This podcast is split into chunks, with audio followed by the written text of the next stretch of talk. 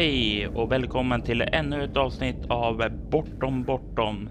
Det här är avsnitt 45 och eh, jag tänkte göra som så att eh, jag vill göra något annorlunda nu.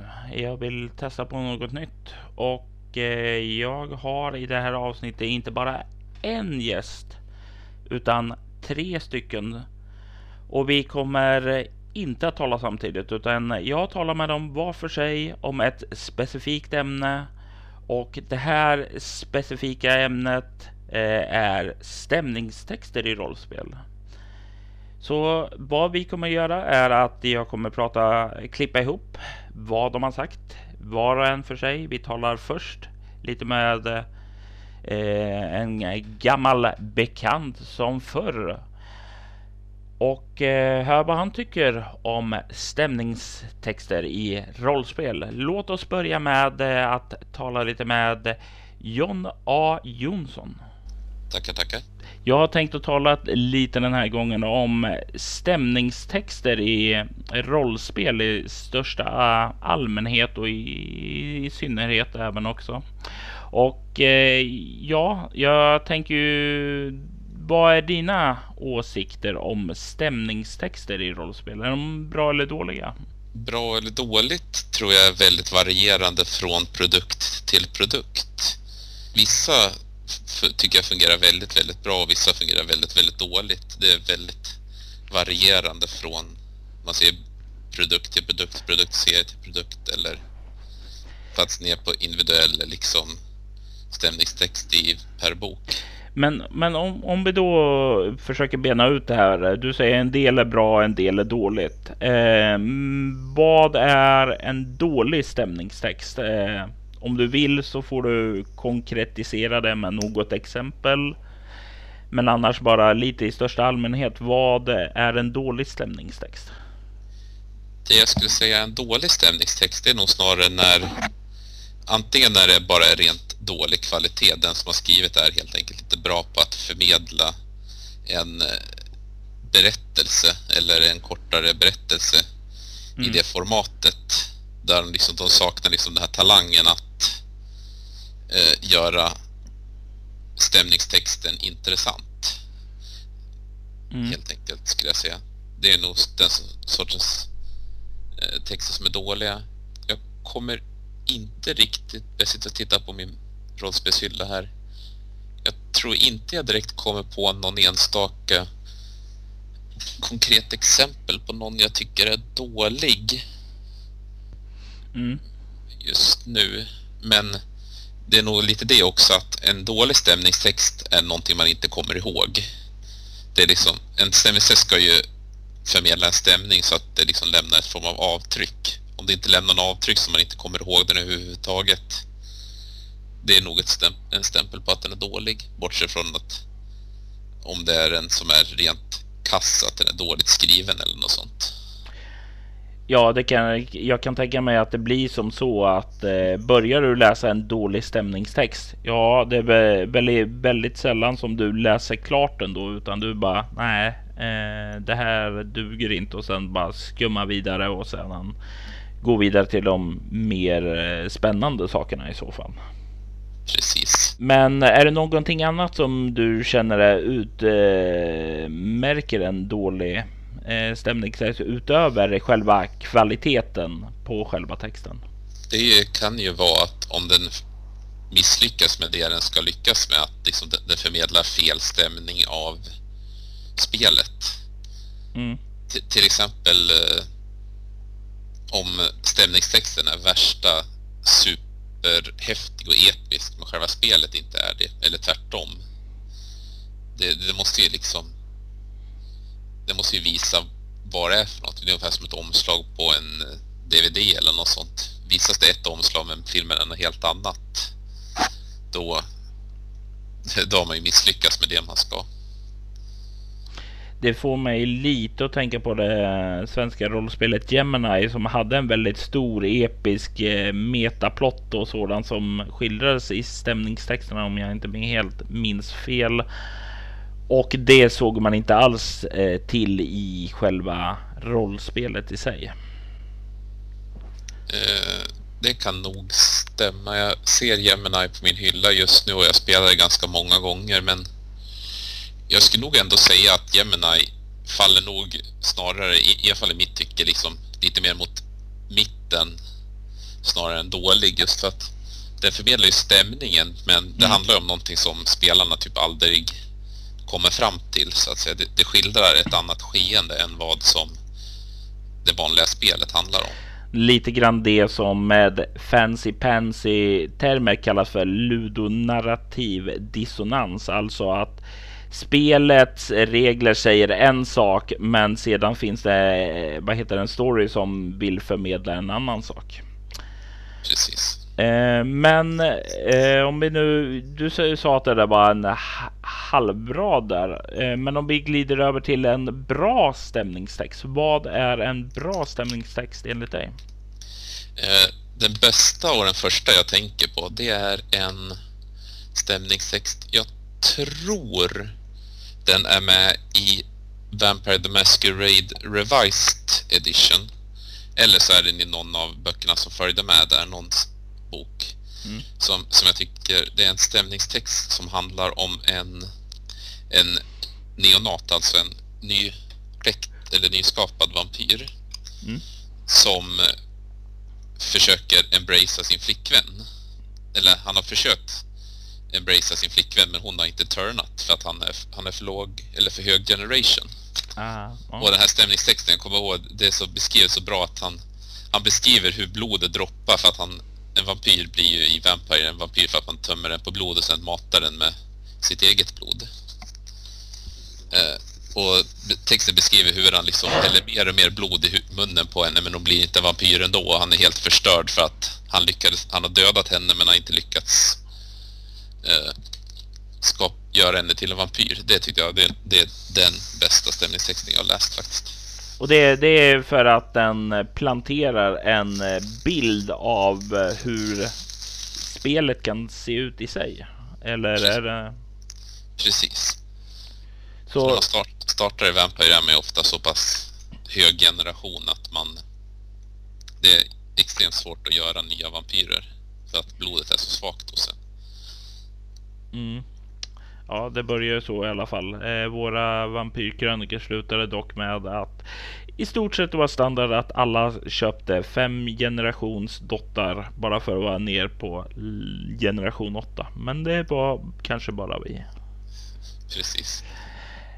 Um, men då, då, då, kan vi glida in lite på det här med stämningstextens funktion i ett rollspel. Vad tycker du att de eh, ska finnas där för?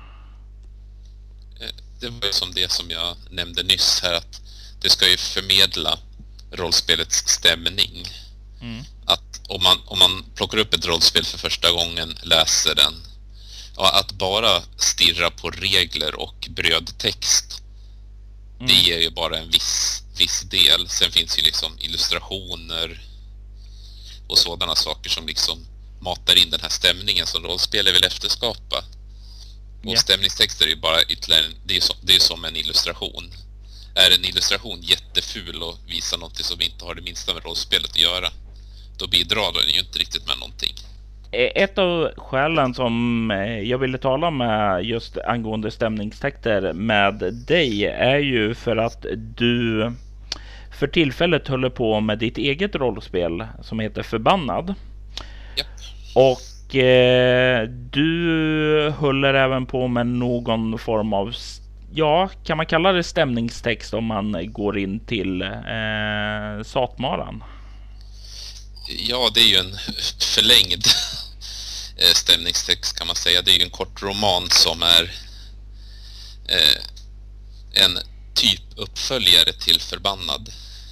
Mm. Det blir li lite komplicerat för att Förbannad som rollspelet är i nuläget är ganska världslöst. Det, det finns ingen definierad värld. Det finns inga förklaringar av hur saker och ting fungerar. Utan det är mer ett, det är mer ett regelverk och så en, en introduktionskampanj.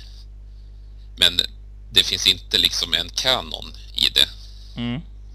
Och Satmaran är eh, någonting som gör att det, det förklarar lite kanon för min förbannad värld.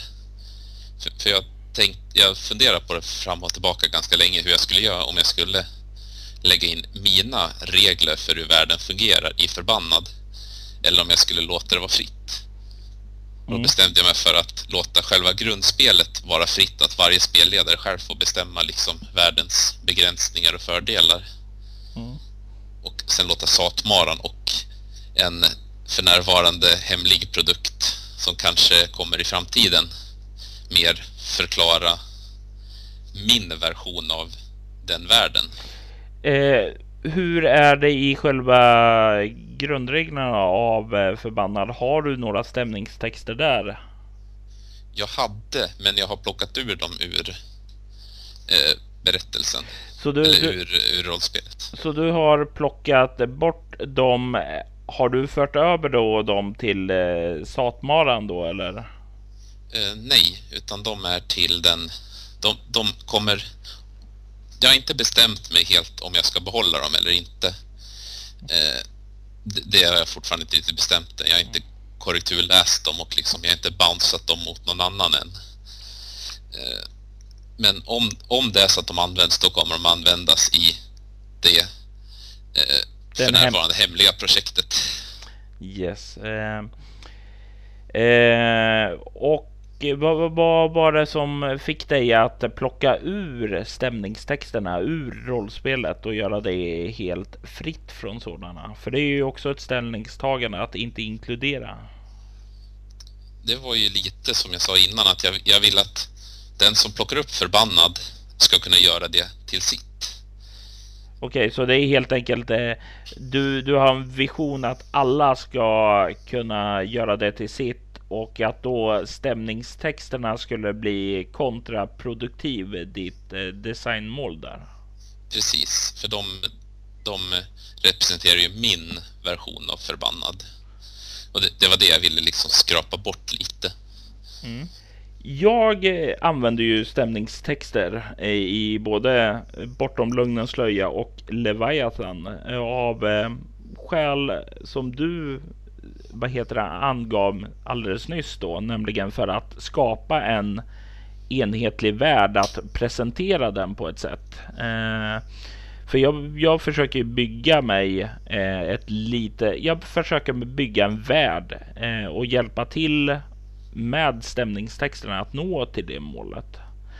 Eh, om du nu som har läst ett antal av dessa stämningstexter eh, hur skulle du kategorisera dem? Eh, vad fyller de för det första mitt mål kring det hela? Eh, hjälper de till att skapa en världskänsla? Det skulle jag säga. Jag kan dock erkänna att jag inte har lusläst varenda en förutom de i Lögnens slöja. Mm. Men det jag skulle vilja säga som är positivt där var ju att när jag först skaffade Förbannad för många, många år sedan. Eh. Jag bort dem menar jag. Eh, så var det stämningstexten, jag bara, jag bara ströläste någon i mitten av boken och sådär, men nej, det här var ingenting liksom, tänkte jag. Eh, sen så gick jag dock tillbaka senare för att eh, det jag tyckte var bra med Bortom lögnens slöja var ju att varje stämningstext förde storyn som var med i eh, introduktionsäventyret framåt. Mm. Och en sån här liten detalj som jag tyckte var bra var också att varje illustration som var i samma svep som just de eh, stämningstexterna passade in väldigt bra mot just stämningstexten. För det var ofta att den personen som stämningstexten handlade om, det var det bilden handlade om. Det tyckte jag, det gav en väldigt enhetlig stämning känsla. Ja, det, det var ju också målet där att försöka göra en berättelse. Eh, sedan så skulle det ju som alltid eh, kunna tajtas till och göras bättre. Eh, det är jag övertygad om idag. Jag valde ju en helt annan väg när jag gjorde Leviathan. Istället för en genomgående så var det många olika eh, betydligt mindre skeenden då istället för ett övergripande. Om jag, jag, skulle ställa dig en avslutande fråga John. Eh, du som är ehm, ja, en rollspelsmakare in the making så att säga. Eh, vad, hur, hur skulle du rekommendera andra att använda stämningstexter? Har du några tips på vad man bör tänka på när man vill inkludera ett sådana i ett rollspel? Eh, det första man ska eh, tänka på det är fyller det en funktion? Mm. Sen, det, det är det första man ska tänka, fyller det en riktig funktion? Sen ska man vänta lite, typ, låt oss säga en vecka. Sen ska man tänka igen, fyller det här verkligen en funktion? Mm. Eh, om man fortfarande tycker ja, då väntar man lite till. Och även om man typ tredje gången med långt mellanrum tycker att ja, det här fyller verkligen den funktionen det ska fylla, då kan man nog inkludera det. Om man bara liksom, ja men jag vill, uh, I am a writer. Det, det, funkar inte riktigt, utan det måste liksom fylla en riktig funktion. Mm. Men okej, okay, då, då kan vi ju säga som så att eh, vi tackar dig så mycket John för dina tankar och åsikter eh, kring eh, stämningstexter. Yes, inga problem.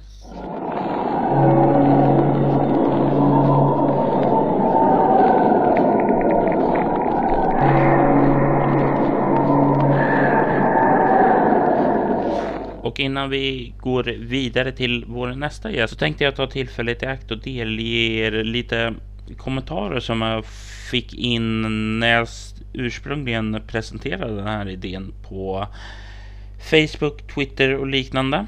Eh, Johanna Nyberg Hamren eh, skrev att hon kunde störa sig eh, på stämningstexter när eh, spelförfattaren eller spelförfattarna helt enkelt inte skriver dem bra nog eller har korrekturläst dem ordentligt. Eh, annars så tycker hon generellt att det är upplyftande att för att få en känsla av spelet och världen. Christer Sundelin som ligger bakom bland annat Skymningshem Andra Imperiet, Västmark och eh, Bare med och gjort lite i Eon också skriver eh, Jag brukar inte vara förtjust i stämningstexter. De flesta spelförfattare är asbra på att göra spelregler och spelvärld och mindre bra på just prosa.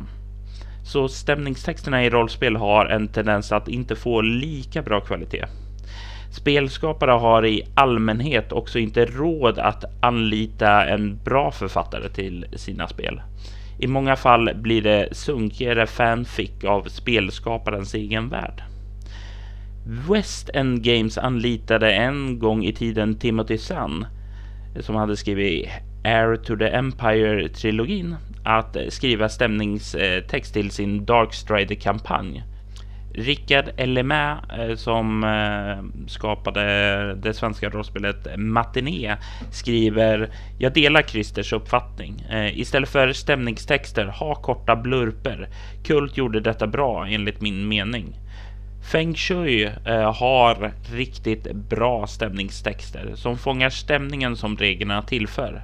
Jag vet inte om det är Robin Dillo som har skrivit dem själva eller om det är någon annan som har eh, anlitats. Shane Hensley, Deadlands, gjorde ett ofantligt bra jobb med sina texter. Resten av de 150 till 200 rollspel jag läst har inte haft några vidare stämningstexter, däribland Vampire. Jag är dock lite svag för världsbeskrivningen av Kronopia. Jag har däremot inte läst Trakorien. Och eh, vi ser en liten trend här.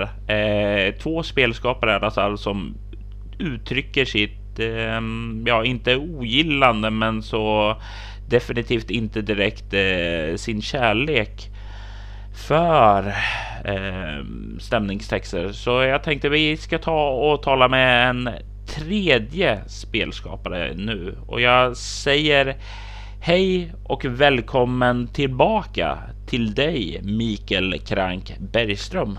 Hej hej! Tydligen lyckades jag inte avskräcka dig tillräckligt förra gången jag var med.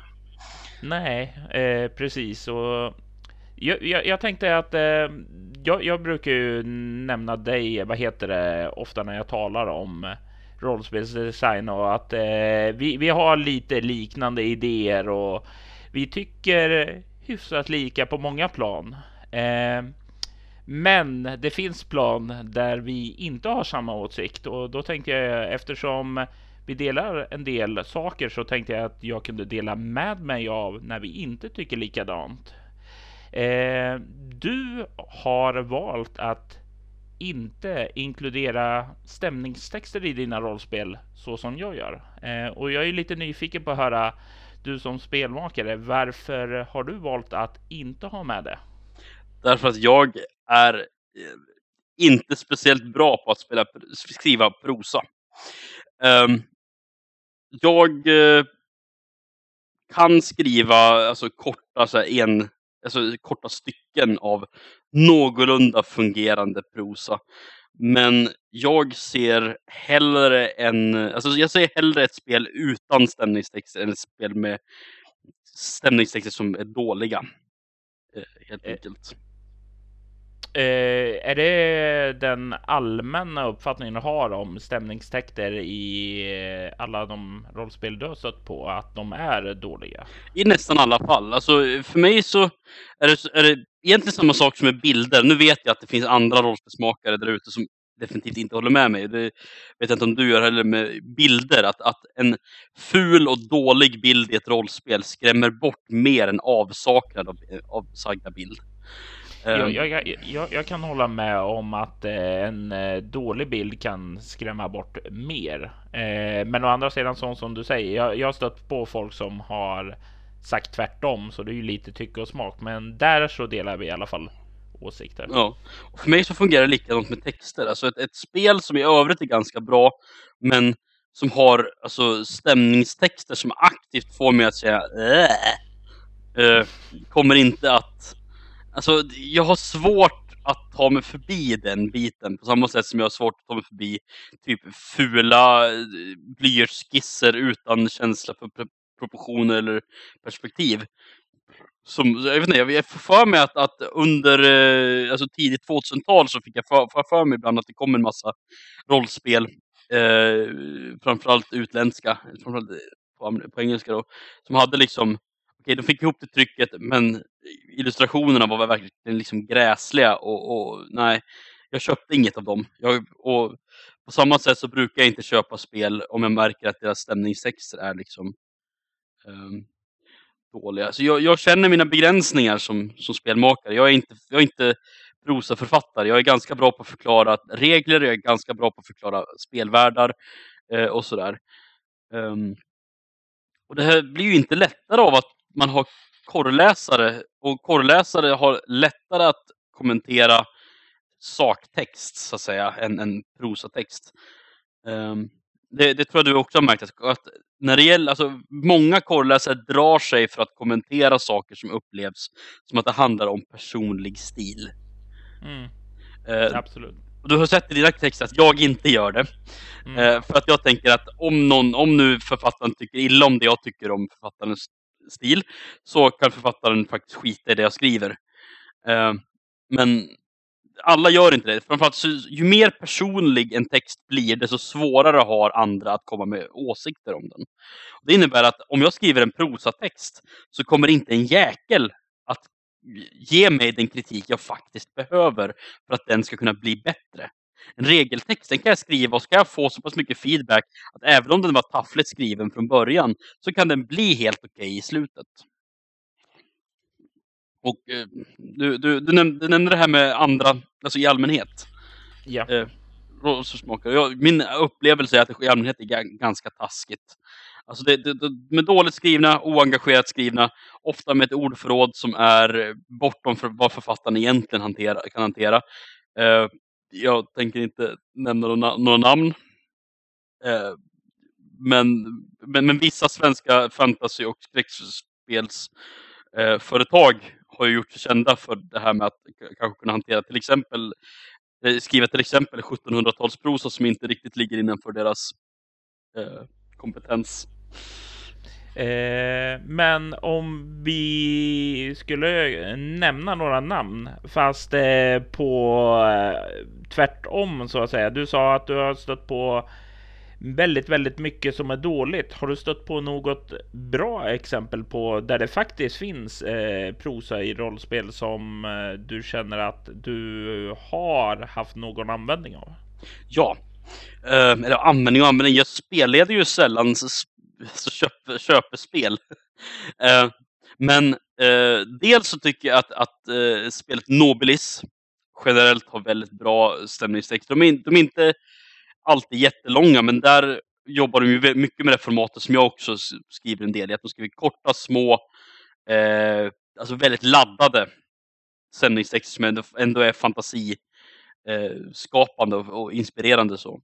Och sen så finns det alltså, i gamla svenska rollspelet och väldigt underskattade rollspelet Gemini. Du är bekant med det? Jajamensan, mm. fast jag kallar det Gemini. Ja, ja eh, jag tänker att det är, sven att det är skrivet på svenska, då tänker jag Gemini. Uh, yeah. Men uh, i boken Den mörka magin uh, så den inleds med en uh, kort historia skriven av Henrik Andersson som jag råkar ha lite koppling till via en gemensam teaterförening som vi var med i. Så. Och han är ju författare. Alltså han eh, kan ju det här. Han vet hur man använder ord och han behärskar sitt eget ordförråd. Och det märks jättemycket. Jag har bläddrat lite i svenska kulter som jag har utdrag av Anders Fager själv. Eh, samma sak där. Alltså, det märks när man har tagit in en riktig författare, när man har tagit in texter från en riktig författare. Tycker jag. Men om vi kollar på stämningstexter, om du nu satt i ett läge att eh, du antingen var jätteduktig på att skriva eller du fick en budget för att få in en författare som kunde göra stämningstexter eh, som du kände att ja, men vad bra, nu, nu fixar det här sig. Nu behöver inte jag oroa mig för det. Eh, vad tycker du då att en stämningstext skulle kunna fylla för funktioner? Vad kan en stämningstext vara bra för? Alltså stämningstext är Alltså det, det är klurigt. Uh, hur skiljer man det från, från en novell till exempel?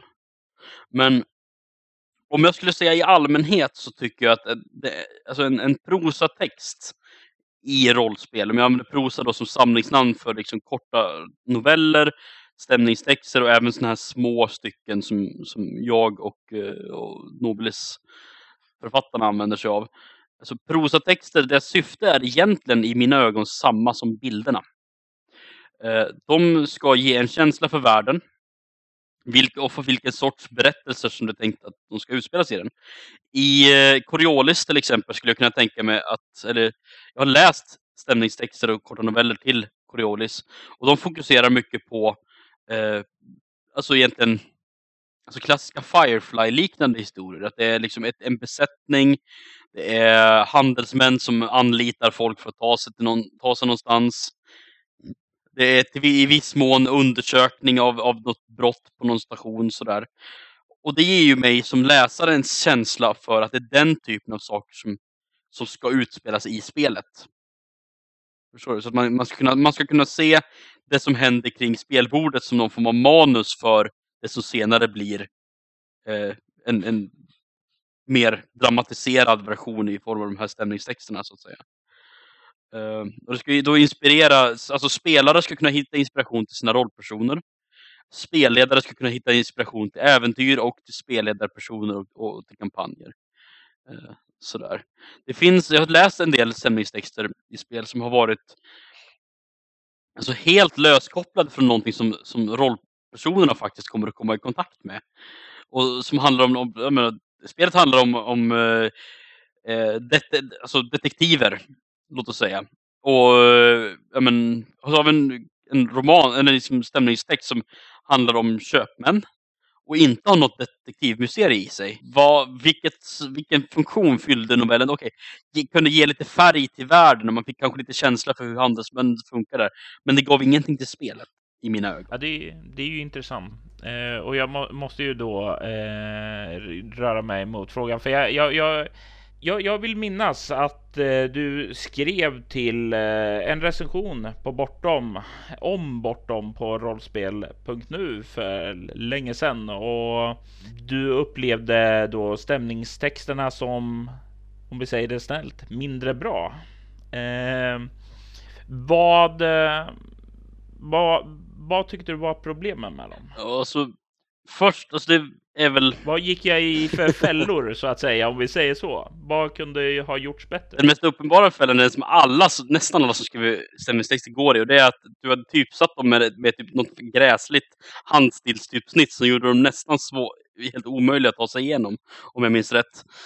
Eh, men det gör även typ White Wolf, så det, det, är, det är så vanligt misstag att det nästan kan betraktas som, som, som standard. Ja, det var ju någonting som ändrades till Leviathan. Då är det ju det vanliga teckensnittet, även om det är kurs Ja, du hade åtminstone inte lika, lika tror jag, lika, vad ska man säga, mön, mycket mönstrade bakgrunder och sånt där som, som uh, White Wolf gärna håller som är precis allting. uh, no. tillsammans med gräsliga typsnitt i konstiga färger som är helt oläsliga. Ja, jo, det, men det är ju något helt mm. annat där att underlätta mm. läsbarheten. Du behöver ju inte försvåra det. Eh. Men sen så, alltså vi har ju diskuterat mycket om, om, om eh, alltså, di, di, din språkanvändning har vi pratat mycket om. Eh, via komment, alltså, kommentarer och sådär. Och det är väl att, vi, jag tror att du är medveten om att du gör en del anglicismer. Att det blir en del svengelska ibland. Jajamän. Det är det definitivt där, för du är starkare i dem. Mm. Um, och sen så det här problemet som, som vissa fantasy och skräckspelsföretag i Sverige och du delar också att det, ibland fick jag känslan av att eh, de ord du använde kändes något mer högtravande än vad du egentligen var. Det, det kändes inte som att det var dina ord riktigt. Du var, inte, du var inte tillräckligt hemma i orden för att kunna använda dem på ett sätt som kändes flytande och, och, eh, och hemmatvant. Liksom. Det, alltså, du försökte nästan skriva bland det svåraste som finns, det vill säga högtravande mytiskt. Ofta. Och, och det är jäkla svårt att, be, att bemästra den stilen. Uh, jag såg, jag såg liksom vilken typ av text du ville få fram. Yeah. Och jag gillar också sån text. Skillnaden var väl att du vågade dig på den och jag har inte vågat mig på den. jag, jag, jag har läst mina gamla texter till uh, Skriptura. Mm. Uh, och vi kan väl säga att jag är glad över att jag aldrig publicerade dem uh, idag. Därför att när jag skrev Skriptura-texterna i, så här, strax efter gymnasiet så försökte jag också använda ett språk som jag inte riktigt till fullo var, var, var hemmastad i. Så att säga. Jag, jag sitter ju i en sådan sits att jag alltid gillar att skapa berättelser. Och eh, jag har alltid skrivit om och få, fått, eh, vad heter det, den här snälla feedbacken som bara, ja ah, men du är en schysst kompis och då säger vi att du kan någonting. Och eh, så var det för, ja det var för många år sedan som var med någon sån här Nobelcirkel och man skickade in det var någon månadstävling. Eh, så tog jag bara, ja men glad i hågen, skickade in och sen så bara BAM! För då var det folk som var ärliga där. Och ja, det gjorde förbannat ont. Det tog lång tid innan jag vågade skriva stämningstext igen. Och det var väl någon gång efter jag hade skrivit de första stämningstexterna till Bortom då. Och det tog många år att eh, återvända och börja skriva igen. Men samtidigt så är, känner jag så här att jag gillar att förmedla en större berättelse. Och för mig ger ju stämningstexten en möjlighet till det. Eh, och eh, ja, eh, du kommer inte bli bättre på det om du inte prövar på det. Eh, så det var nyttigt att få den här smällen i ansiktet och känna sig värdelös ett tag innan man började igen. Eh, och det, det, tror jag det är. Eh, det är ju tyvärr, eh, vad heter det, som du säger, många rollspelsförfattare är ju inte författare. Och det blir ju då svårt eh, att få de här riktigt suveräna texterna alltså. För det är precis som alla, ska du ha en riktigt bra stämningstext, ja det är precis som en bild. Ska du ha en bra bild, det kostar pengar om mm. du inte kan göra det själv. Och det är så många som inte kan det. Men mm. eh, jag, jag, tror jag skiljer mig lite för dig för att jag har inga problem att acceptera lite lägre kvalitet i stämningstexterna. Eh, om det för mig fungerar som så att eh, det ger en del om världen, om personerna i världen, om storyn eller om insikt i hur det är det att vara en smugglare i den här världen till exempel. Mm. Och det, det tror jag är den stora skillnaden mellan oss så att säga. Ja. Eh, och att jag är lite för dum för att eh, inte våga skala bort dem. Alltså jag, jag har, känner också att det är lite grann också så att det, men om någon skulle erbjuda en text till en och, och så är det ju svårt att säga nej. Och det, det, tror jag en del, en del eh, rollspelsmakare lider av. Jag, jag har inte fått speciellt mycket erbjudanden själv. Jag tror att du har väl skrivit in alla dina egna, eller hur? Mm, ja. ja. I, till dags dato har jag ja. skrivit alla. Ja. Mm. Men, men grejen på samma sätt. Jag tror att om man blir erbjuden texter, eller om man pratar med någon och ber dem skriva texter, så tror jag att Alltså det kommer vara samma typ av uppförsbacke som det är när man först börjar ta in illustrationer. Mm. Att i början så är det så pass, alltså man blir så pass liksom, jag vet inte, att man, att man blir så pass glad över att någon kan tänka sig att skriva till en att man nästan, nästan kan tänka sig att acceptera vad, vad skit som helst. Uh, så att säga.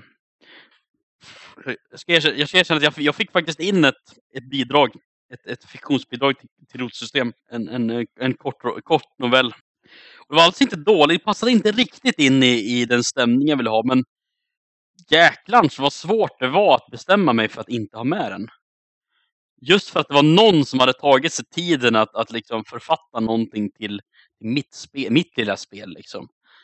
Eh, sådär. Ja, jo, men det är, ju, det är ju inte lätt att få bidrag i allmänhet för de flesta sitter ju och pular på sina egna saker och sådant. Så varje gång någon engagerar sig och vill bidra, då blir man ju jätteglad och positivt inställd.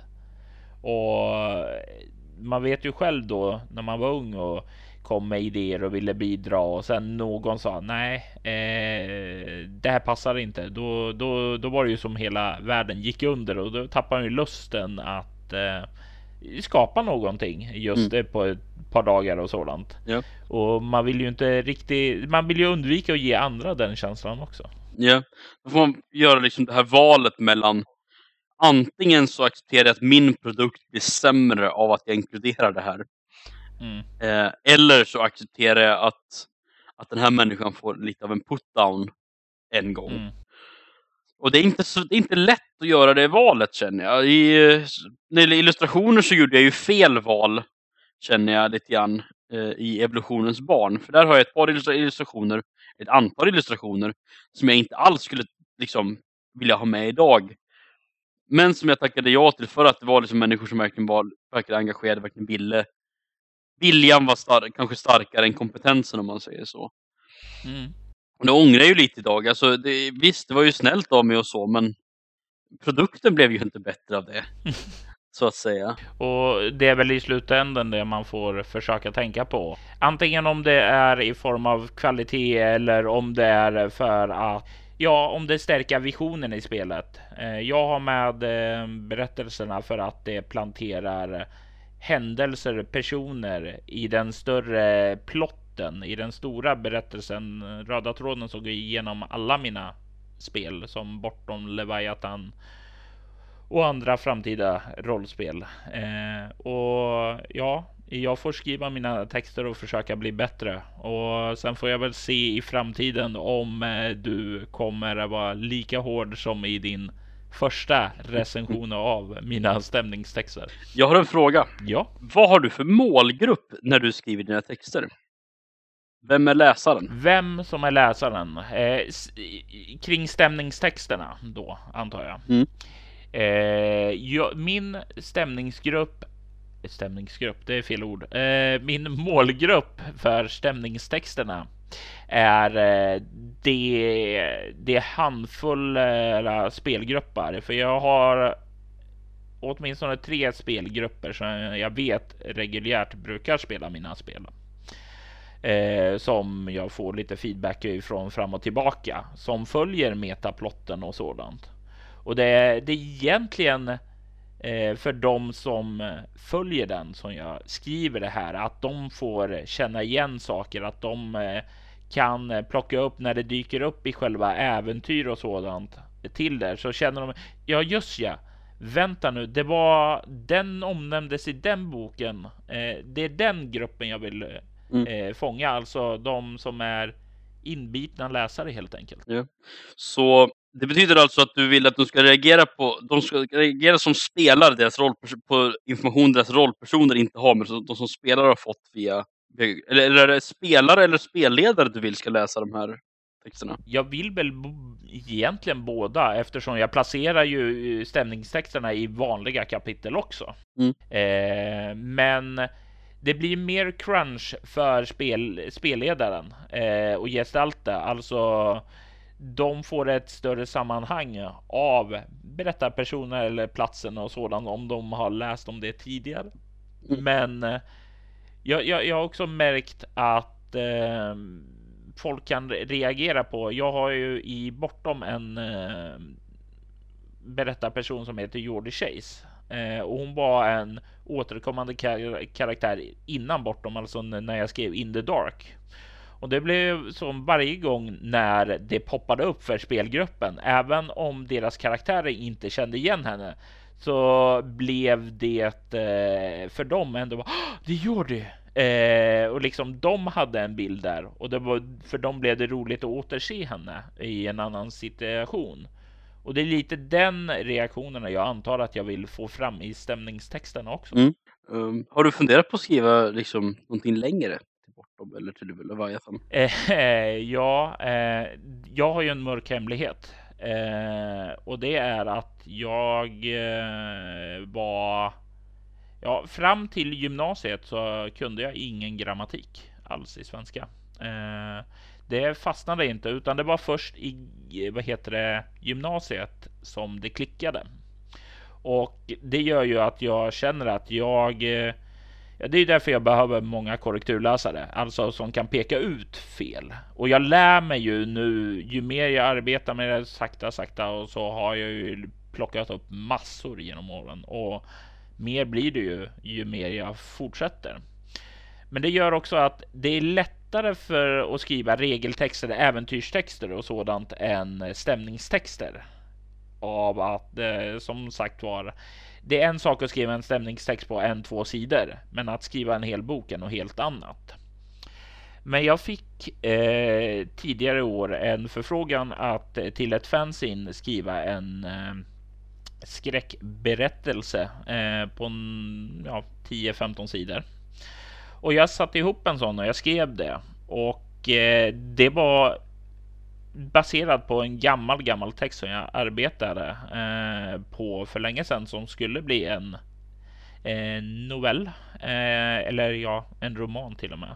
Eh, och jag har fått lite blodad hand efter det och har börjat sakta och börja peta på resten nu. Så jag har en grund att arbeta på och eh, en redigerad text på 15 sidor och eh, i övrigt så här tror jag 30 sidor. Så jag har en grundutkast på 45 och det är väl en, eh, ja, en fjärdedel av själva boken då i så mm. fall.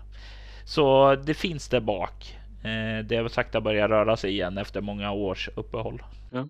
Man kan ju, alltså, det är väldigt många klassiska böcker som har börjat som följetonger i, i tidningar på ett eller annat sätt. Så det kan ju vara ett sätt att jobba med det kanske. Ja. Kul att höra. Vi får se hur jag gör i mina framtida verk. Uh, nu ser det ut som att rotsystem blir det sista liksom, stora spelet på ett tag.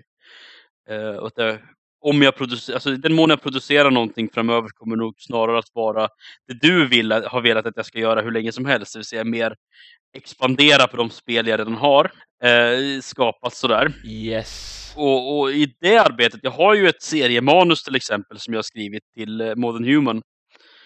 Eh, som, som jag inte har hittat någon tecknare till än. Yeah. och det, alltså, den vägen skulle jag gärna gå. Jag skulle gärna vilja testa att skriva, skriva mer seriemanus, för det var ganska roligt.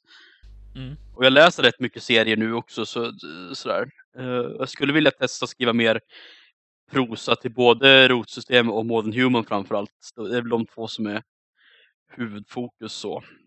Och försöka hitta de här riktigt aggressiva korrläsarna som kan säga åt mig när jag använder språk som är, ligger bortom mig eller när jag skriver svengelska eller när jag är för pretentiös eller när det inte funkar sådär. Ja, ja men det, det tycker jag skulle bli intressant att se dig då. Som sagt jag gillar jag gillar när man expanderar sina spel och jag gillar när man också gör det i olika medium. Eh, och eh, som sagt var, skriva seriemanus är ju också en form av eh, skrivande och sätter stämning och sådant. Och det passar ju väldigt väl till just Modern Human tycker jag också. Så det ska bli spännande att följa din eh, resa vidare där och jag får tacka dig så mycket för att du tog tid och medverkade i Bortom Bortom. Ja, tack för att du ville ha mig här.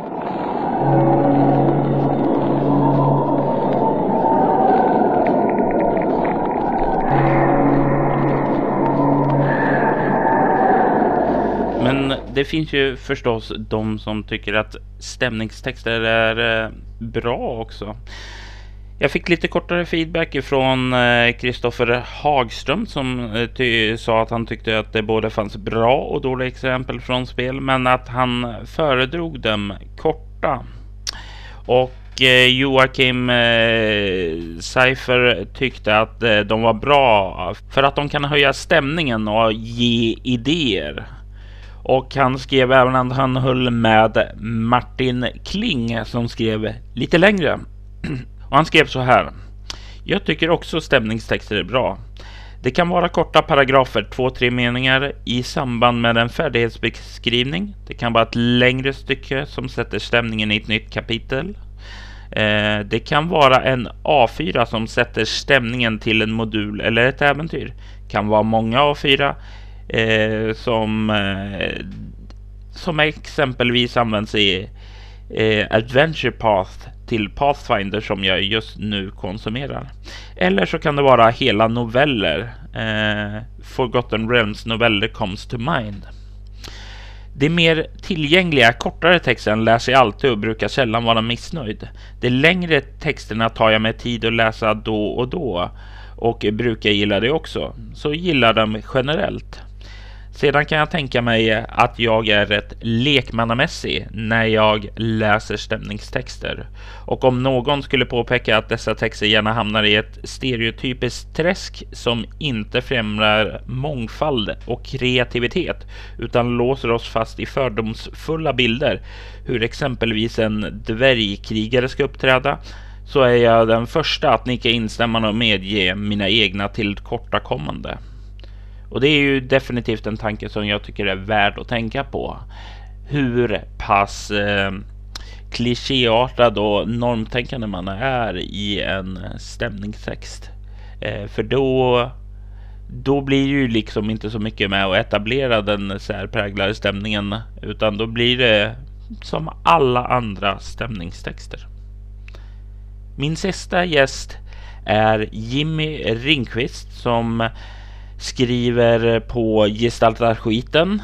Han eh, är även eh, en av grundarna till eh, Skepnad Game Studios eh, som hjälpte till, eller rättare sagt gjorde Leviathan-kartan.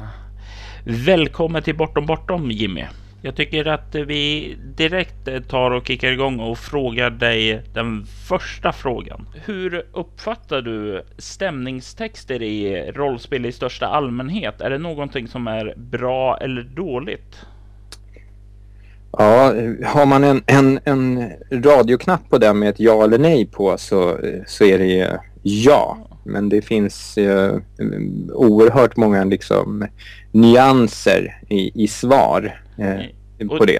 Och det tycker jag är någonting vi kan gräva lite djupare in i då. Vad, eh, vad finns det för nyanser så som du ser det?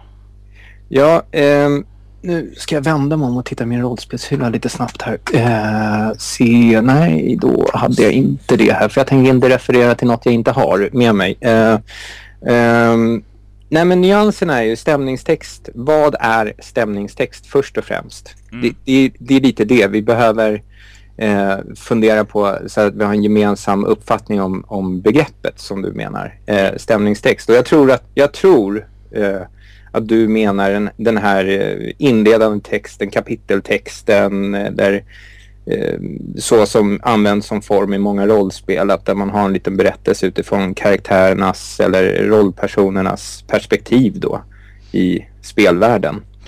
Och det är ju exakt det som jag tänker på när jag säger stämningstext också. Den här lilla novellen som man ja. brukar säga där. Ja, precis. Eh, speliga prosan som dyker upp.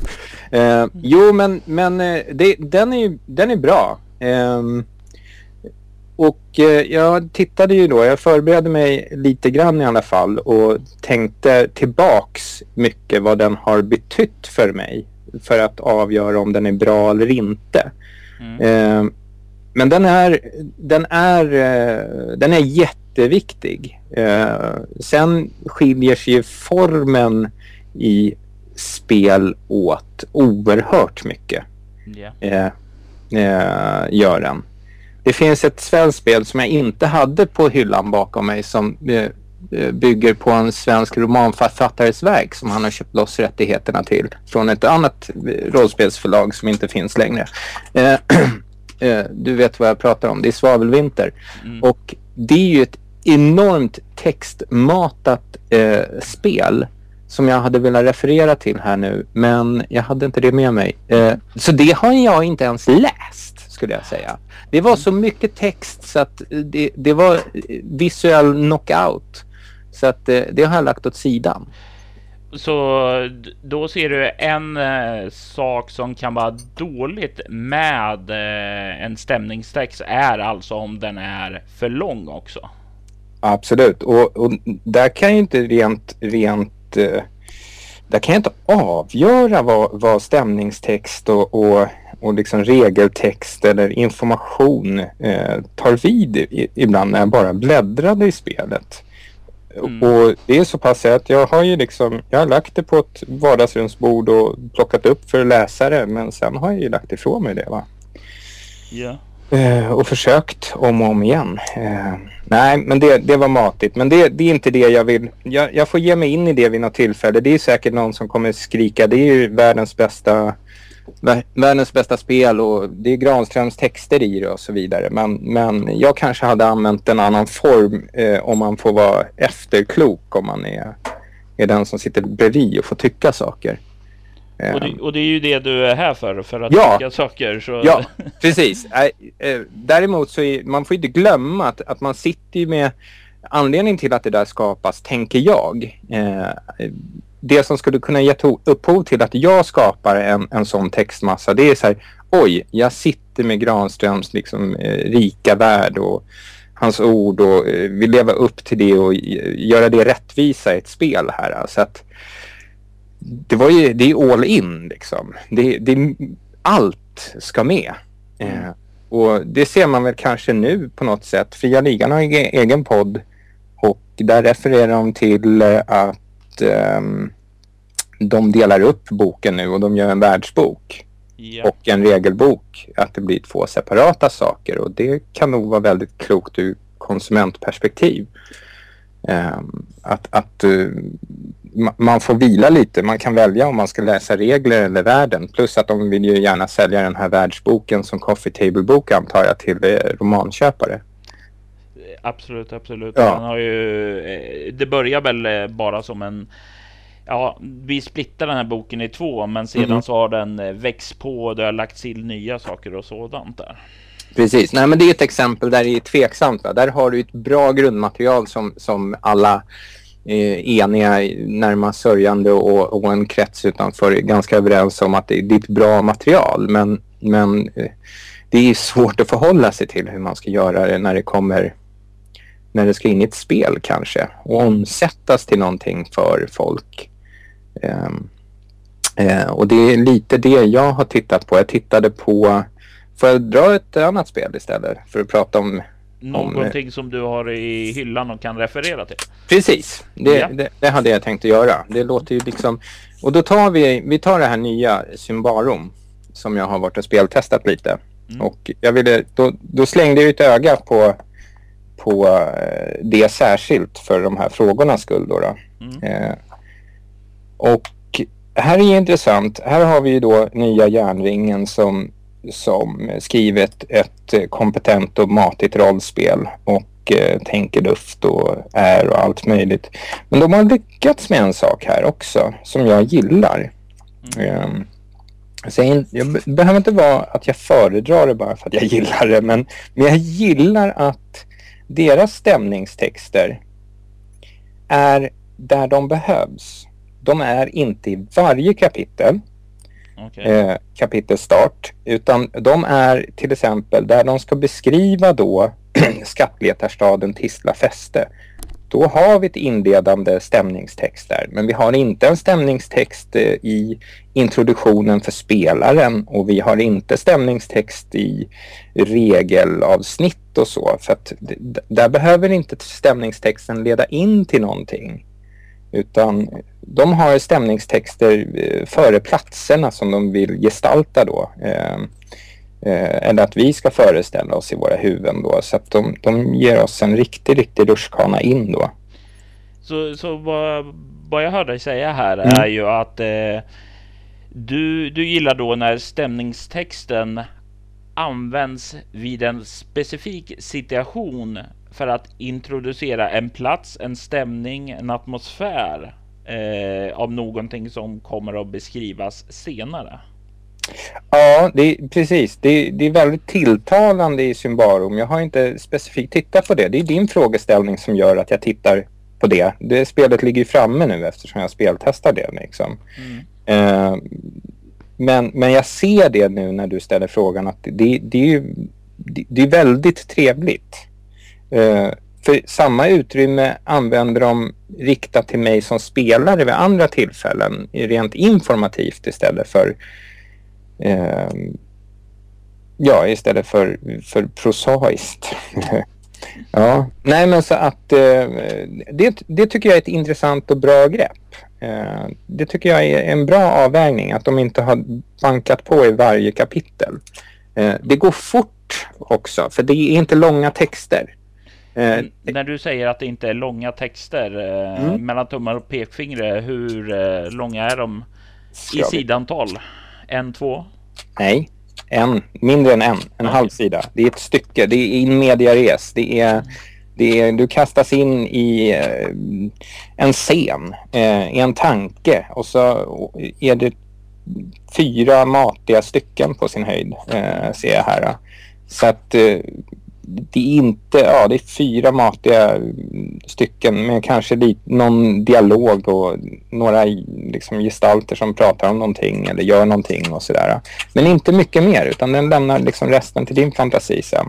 Mm. Eh, så att, nej, de, de har valt lite där men å andra sidan du kan ju köpa en, en roman istället om du vill.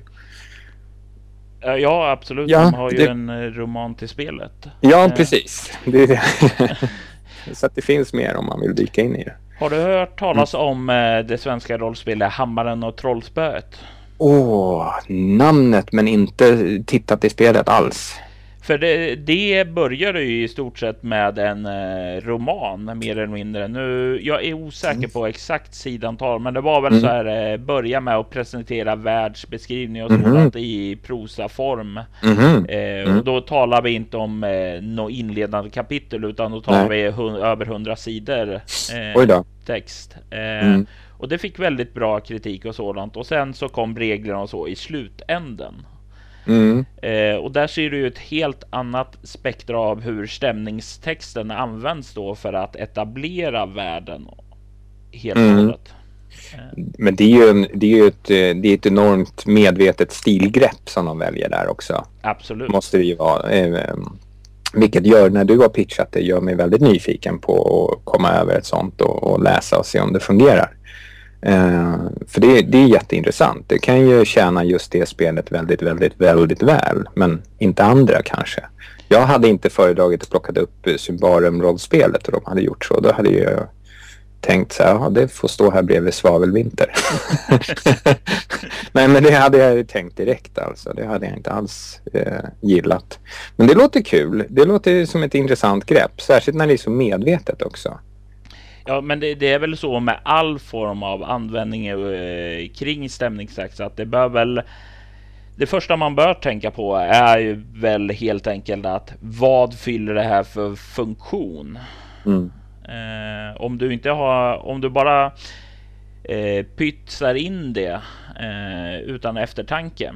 Eh, och det här är väl eh, något som också jag gjort tidigare, kanske inte i de tryckta modulerna eh, till Bortom och Leviathan, men eh, när jag släppte saker och ting gratis på nätet och faktiskt vad som var In the Dark 4.0, det som blev bortom, det hade först ja. också helt random eh, stämningstexter.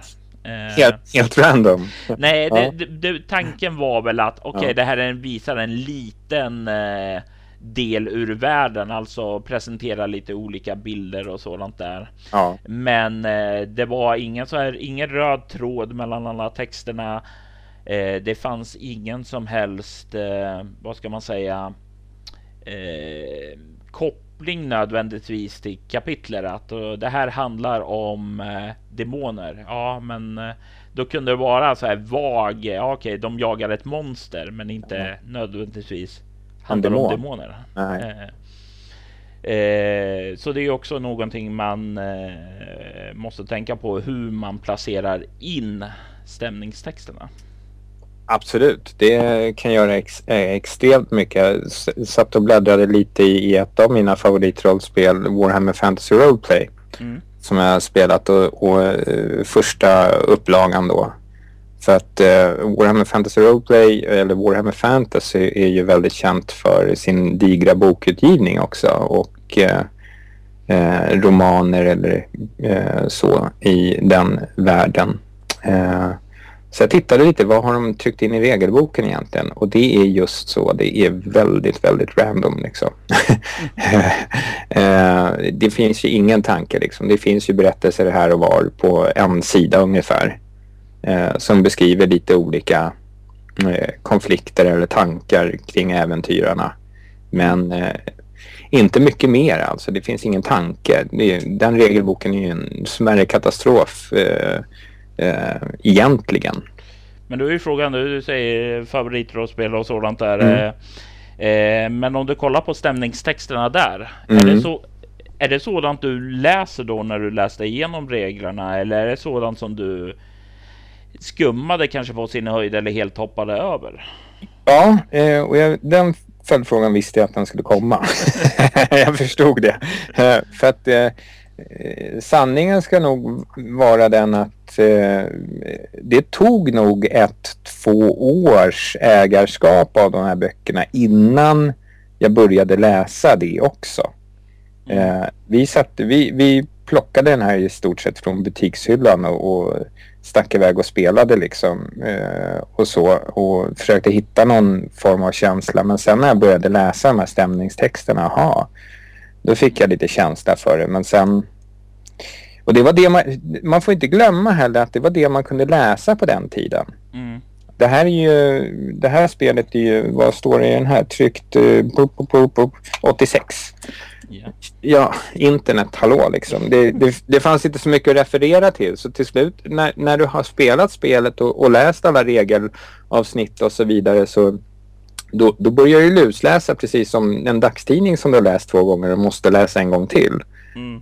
Eh, och då blir det så med rollspelet. Va? Men, men eftersom det är så oplanerat från början så är det ingenting som väcker min lust att läsa dem tidigt. Mm. Hade, hade det varit så så hade jag ju kanske haft en annan stämning i spelet från början. Ja. Och det här, jag ställer ju frågan ja. just för att jag, jag tror det är väldigt många som bara skummar förbi stämningstexten. Ja. Och då är min fråga där lite grann. Vad tror du man skulle kunna göra med stämningstexten för att göra den mer attraktiv? Alltså vad, vad skulle till exempel få dig att läsa den? Utan att bara skumma förbi den.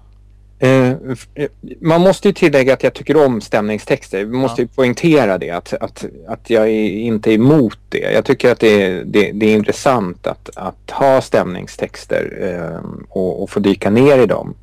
Eh, sen får du ju fråga dig, alltså den som skapar spelet eh, eller supplementet, rollspelet, fråga sig varför ska jag ha en stämningstext? Mm.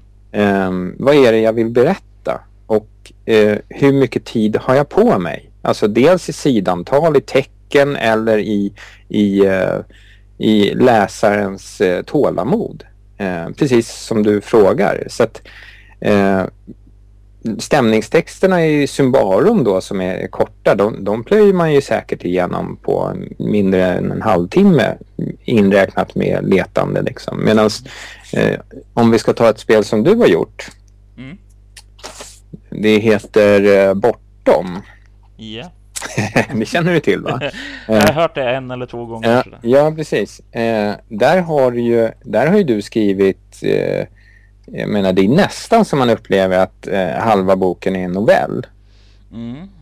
Eh. om man ska, du, du förstår att jag hårdrar det lite. Ja, jo, absolut. Och det, det, det, jag skulle väl säga just i bortoms grundregeln så är det ju, det ser ju större ut än det är eftersom uh, själva bokens typsnitt är större just för stämningstexterna. Så precis.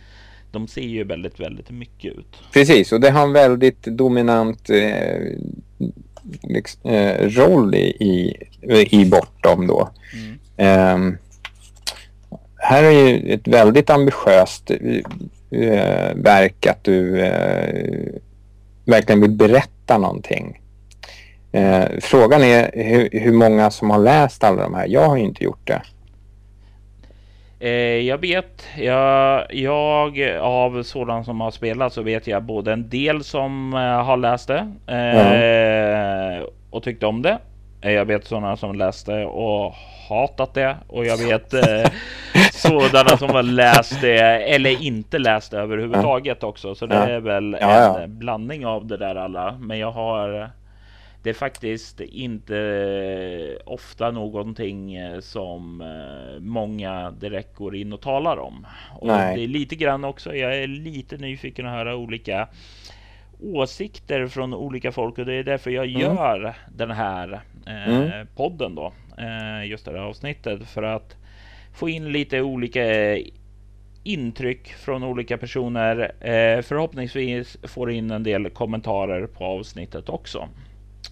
Det kommer det absolut bli.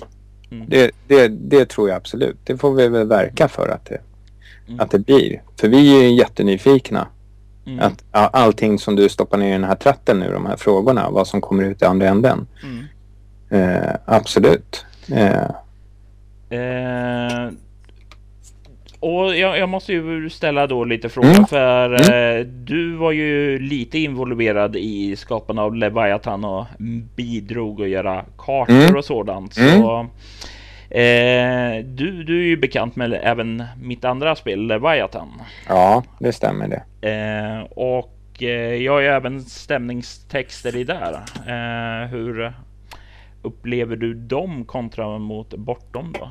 Eh, ja, men det är skillnad. Du har ju ett annat anslag i Leviathan. Ehm, eh, det som jag där tycker jag mer att du går i eh, den, den bana man ska gå i. Men du berättar ju väldigt, eh, du berättar ju, du berättar ju nästan hela historier. Man får väldigt mycket historia av dig. Mm. Det, det är ett signum för dig, det du skriver. Oavsett om det är en stämningstext eller om det är en regelbok faktiskt så finns det oerhört mycket att hämta som du har en uppfattning om. Och det berättar du även i de här stämningstexterna. De är väldigt... Eh, de är, och nu pratar jag utifrån Leviathan särskilt. Eh, de är ju väldigt eh, ambitiösa och eh, berättar mycket. Eh, du försöker sätta ton i dem eh, och, och, etablera mycket. I, I Leviathan så har du nog jobbat medvetet med att etablera väldigt mycket inför spelet. Där tror jag att du har haft det som ett syfte hela tiden. Eh, till skillnad från Bortom som berättar en, en, en, historia. Det är ett mycket, mycket tidigare verk. Så det... Mm. det du, du, du, jag skulle inte säga att du har fel utan det känns som om eh, du pekar ut en väldigt tydlig. För i Bortom så är det en röd tråd genom hela regelboken. Ja, vi följer ju Miko där. Då, Precis. Ja. Eh, och eh, du får även bild på eh, Connor och jag vet inte om Juda är så ja. eh, starkt skildrade, men det är ju liksom det är eh, personerna som eh, sedan kommer att eh, dyka upp i kampanjen Nattljus som inleds mm. i själva boken där. Mm. Så det är ju arbetat för att etablera karaktärerna till introduktionsberättelsen. Mm. I Leviathan så är det ju du har ju inte nutid då, utan då handlar det ju om att sätta små olika set pieces av själva Leviathan i eh, sig, alltså själva världen. Mm. Och det, det är väl den stora skillnaden då. Och det var väl ungefär exakt det som du pekade ut. Ja, ungefär. Du använder ett jättebra ord, liksom set pieces. För det är det det handlar om. Att, uh, att uh, du, du etablerar mycket där. Jag vet ju inte. Å andra sidan, vi ska säga så här. Jag, vet inte, jag skulle säga, jag vet inte om jag föredrar långa texter eller korta texter. Allt mm. beror på. Det, det kommer vara liksom, jag tänker inte använda ordet lagom, för det är inte lagom. Liksom, men allt beror på. Det är det som var spännande med Symbarum, att de använder av och på, inte och. Eller, och i vissa kapitel använder de och andra inte. Det tycker jag var intressant. Mm. Men eh, i, i ditt eh, verk i Leviathan så eh, har du ju eh, du har så mycket text. eh, nej men du har ju väldigt mycket text. Mm. Det, det, det är ju den, när jag pratar med folk om Leviathan då är det en av de första sakerna folk säger. Ja. Det, det, ja, ja. det är en ganska rejäl lunta liksom. Den, den står sig i, i förhållande till Warhammer Fantasy Roleplay 1 liksom. Mm. Eh, förutom att den inte är hårdinbunden då. Eh, så man kan ju knocka någon med den. Liksom. Det är mycket text alltså. Det är jättemycket text. Och på det sättet så står ju stämningstexterna i, i sin fyllnad eh, också i, i eh, god relation till övrig text tycker jag. Mm. Det, hade, för det är det som är bortom. Det är ju tunnare spel och där du har en löpande, liksom en, en berättelse som löper genom regelboken. Och där är ju väldigt mycket text. Så där tror man nästan att det är en halv novell. Men i, i, i Leviathan så vet jag när jag läser stämningstexten så får jag en setpiece. Precis som du säger, jag vet att jag får det inför det här kapitlet och det. Sen ska man ju säga att det, i mitt huvud är det lite rörigt. Jag har läst lite betadokument och lite allt möjligt där. Så att Um, och en del begrepp har ändrat sig så till slut så, så slutade jag läsa dem där. av den anledningen. Ja, eh, för du har ju, vad heter det, dykt upp. Du var hyfsat ja. tidig och läste ja. stycken och sådant. Så. Ja. Jo, det gjorde jag. Jag fick ju en känsla för spelet liksom. Men där, där, så jag får ju uttrycka det liksom att, att jag... Det bidrog ju till min lust att bidra till spelet också. Det, mm. det får man ju inte glömma. Uh, Eh, och fortfarande, så det har illustrerat mycket för mig. Det var inte så, jag är ju allt annat än en, en regelnörd. Mm. Jag gillar ju settings. Jag är all in för, för en setting eller en värld sådär. Och den kan man, jag tycker att man kan berätta världar helt utan regler. Um, och, och, då är ju stämningstexten allt. Och um, jag måste gå ett helt varv och bara säga så här, även fast man inte producerar rollspel eller skriver, ut, skriver saker som du gör eh, och får ut i tryck eller pdf och sådär. Så till exempel i vår spelgrupp så använder vi det greppet extremt mycket. Eh, vi har ett internt forum så eh, jag menar om vi, om vi har ett spelmöte som utspelar sig dag två och så vet vi att nästa spelmöte kommer utspela sig dag fem. Då kanske vi skriver en stämningstext kring det som händer. Eller en scen som händer mellan dag två och dag fem. Mm. Det gör vi mellan spelmötena kanske. Bara för att komma i rätt stämning eller skifta stämning. Att, att ta tas ifrån det som var spelmöte två. Eh, och gå vidare till nästa. Så att stämningstexter jobbar vi extremt mycket. De gånger jag har pitchat och bollat liksom rollspelsidéer och sådär med, med folk i, i, i i den sfären här i Sverige så, så sätter jag mig gärna ner och skriver en text kring hur jag uppfattar spelet. Eh, den andra spelet eftersom jag inte har skrivit något eget än. Mm. Och då, då är ju första som händer, det är en stämningstext. Det är inte en redogörelse för, um, för hur jag uppfattar felaktigheter i någons regler utan jag skriver en stämningstext. Eller jag ritar en bild eller jag eh, eh, skapar något sånt. Så stämningstexter är extremt viktiga. Mm. Eh, och om vi då ska ta och börja summera lite så eh, om du nu tänker efter och försöker koka ned allt det här vi talar om. Vad gör en stämningstext bra för just dig? Eh, när jag kommer ihåg en karaktär i den. När jag, när, när jag får, för att använda uttryck från, från dig, när jag, när jag får en ikonisk karaktär som lever kvar. Som, som kanske får stå som en, en eh, symbolisk gestalt för någonting. Det, det är ofta det, eller en, en händelse. Jag, jag, får ett ting eller en person ur stämningstexten som, som följer med när jag spelar spelet sen.